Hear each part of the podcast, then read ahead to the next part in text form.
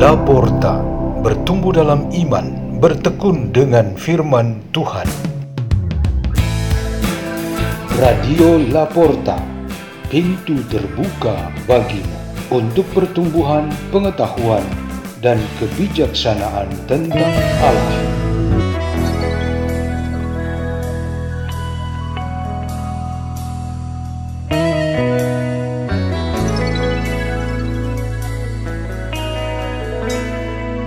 Bacaan dan Renungan Sabda Tuhan hari Kamis pekan kelima Prapaskah tanggal 30 Maret 2023 Dibawakan oleh Cecilia Liando dari Paroki Maria Kusuma Karmel, Kuskupan Agung Jakarta, Indonesia.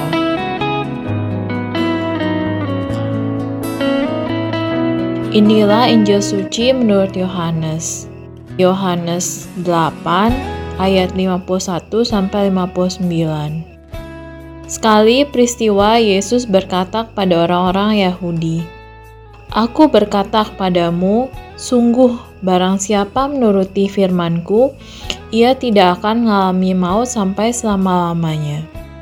Kata orang-orang Yahudi kepada Yesus, Sekarang kami tahu bahwa engkau kerasukan setan, sebab Abraham telah mati dan demikian juga nabi-nabi. Namun engkau berkata, Barang siapa menuruti firmanku, ia tidak akan mengalami maut sampai selama-lamanya.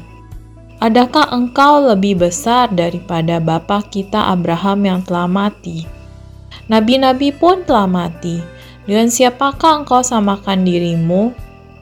Jawab Yesus, Jikalau aku memuliakan diriku sendiri, maka kemuliaanku itu sedikit pun tidak ada artinya. Bapakulah yang memuliakan aku. Tentang dia kamu berkata, dia adalah Allah kami. Padahal kamu tidak mengenal dia. Sebaliknya aku mengenal dia dan jika aku berkata, aku tidak mengenal dia, maka aku adalah pendosa sama seperti kamu tetapi aku mengenal dia dan aku menuruti firman-Nya. Abraham bapamu bersuka cita bahwa ia akan melihat hariku. Ia telah melihatnya dan ia bersuka cita. Maka kata orang-orang Yahudi itu kepada Yesus, Umurmu belum sampai 50 tahun dan engkau telah melihat Abraham? Kata Yesus kepada mereka, Aku berkata kepadamu, Sesungguhnya sebelum Abraham jadi, aku telah ada. Lalu mereka mengambil batu untuk melempari dia, tetapi Yesus menghilang dan meninggalkan bait Allah. Demikianlah sabda Tuhan.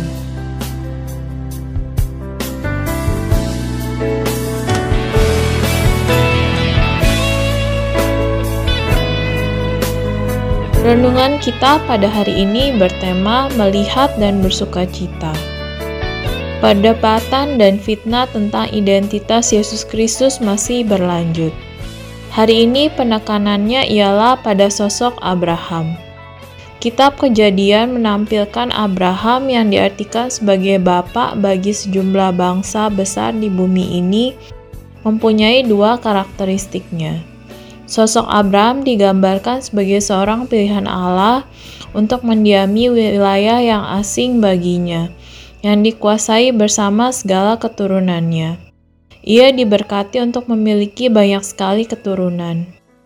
Ciri lain pada Abraham ialah perjanjian Allah atasnya yang harus dijamin dengan iman dan ketaatan kepada Allah. Dasar iman ini tidak hanya membuat dia sebagai bapa iman bagi banyak orang, tapi juga menunjukkan tujuannya dalam persekutuan yang bahagia bersama Tuhan selama-lamanya. Ini adalah gambaran Abraham yang spiritual. Karakteristik yang pertama menggambarkan sisi kefanaannya sebagai manusia yang mengalami kematian di dunia. Sedangkan karakteristik yang kedua menggambarkannya sebagai pilihan Allah yang mengalami hidup abadi atau selama-lamanya. Dua sisi profil Abraham ini dijelaskan secara lengkap oleh Yesus kepada para lawannya. Ditegaskannya kepada mereka bahwa Abraham yang merupakan manusia dunia ini setelah genap usianya untuk mati, ia tunduk pada panggilan alam ini. Sampai dengan batas pemahaman di sini, para lawan itu sanggup untuk mengerti dan percaya akan Abraham yang fana. Demikian juga dengan para nabi. Kematian pada dasarnya merupakan bagian dari kefanaan mereka. Mata mereka sama sekali dikaburkan dan hati mereka sungguh tertutup sehingga mereka tak bisa menangkap bahwa Yesus Kristus adalah kenyataan janji Allah pada Abraham dan penebuatan para nabi. Sebenarnya Yesus sedang menjelaskan bahwa karena Abraham punya aspek spiritual, ia sudah melihat Yesus Kristus putra Allah. Abraham melihat dan bersuka cita karena janji Allah padanya terwujud dalam diri Yesus Kristus. Aspek spiritual inilah yang tidak dapat ditangkap oleh kaum Farisi dan para ahli Taurat. Yesus sedang mengajarkan kita tentang kekuatan rohani yang merupakan karunia roh Allah pada setiap orang yang mengikutinya. Dengan karunia ini, kita diberi jaminan untuk menikmati hidup ini melalui bagaimana kita melihat kemuliaan Allah yang hadir di dalam diri sendiri, sesama, dan lingkungan sekitar. Pengalaman akan kemuliaan Allah ini menjadi dasar bagi kita untuk bersuka cita dan bersyukur pada Tuhan. Yang memperkuat sukacita ini ialah aspek spiritual dari segala sesuatu di dalam hidup ini, karena di situ Tuhan sungguh hadir. Marilah kita berdoa. Dalam nama Bapa dan Putra dan Roh Kudus. Amin.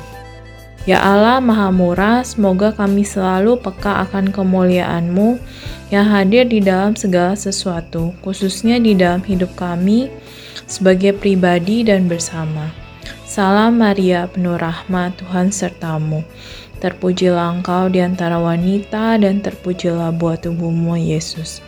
Santa Maria, Bunda Allah, doakanlah kami yang berdosa ini, sekarang dan waktu kami mati. Amin. Dalam nama Bapa dan Putra dan Roh Kudus. Amin. Radio Laporta, pintu terbuka bagi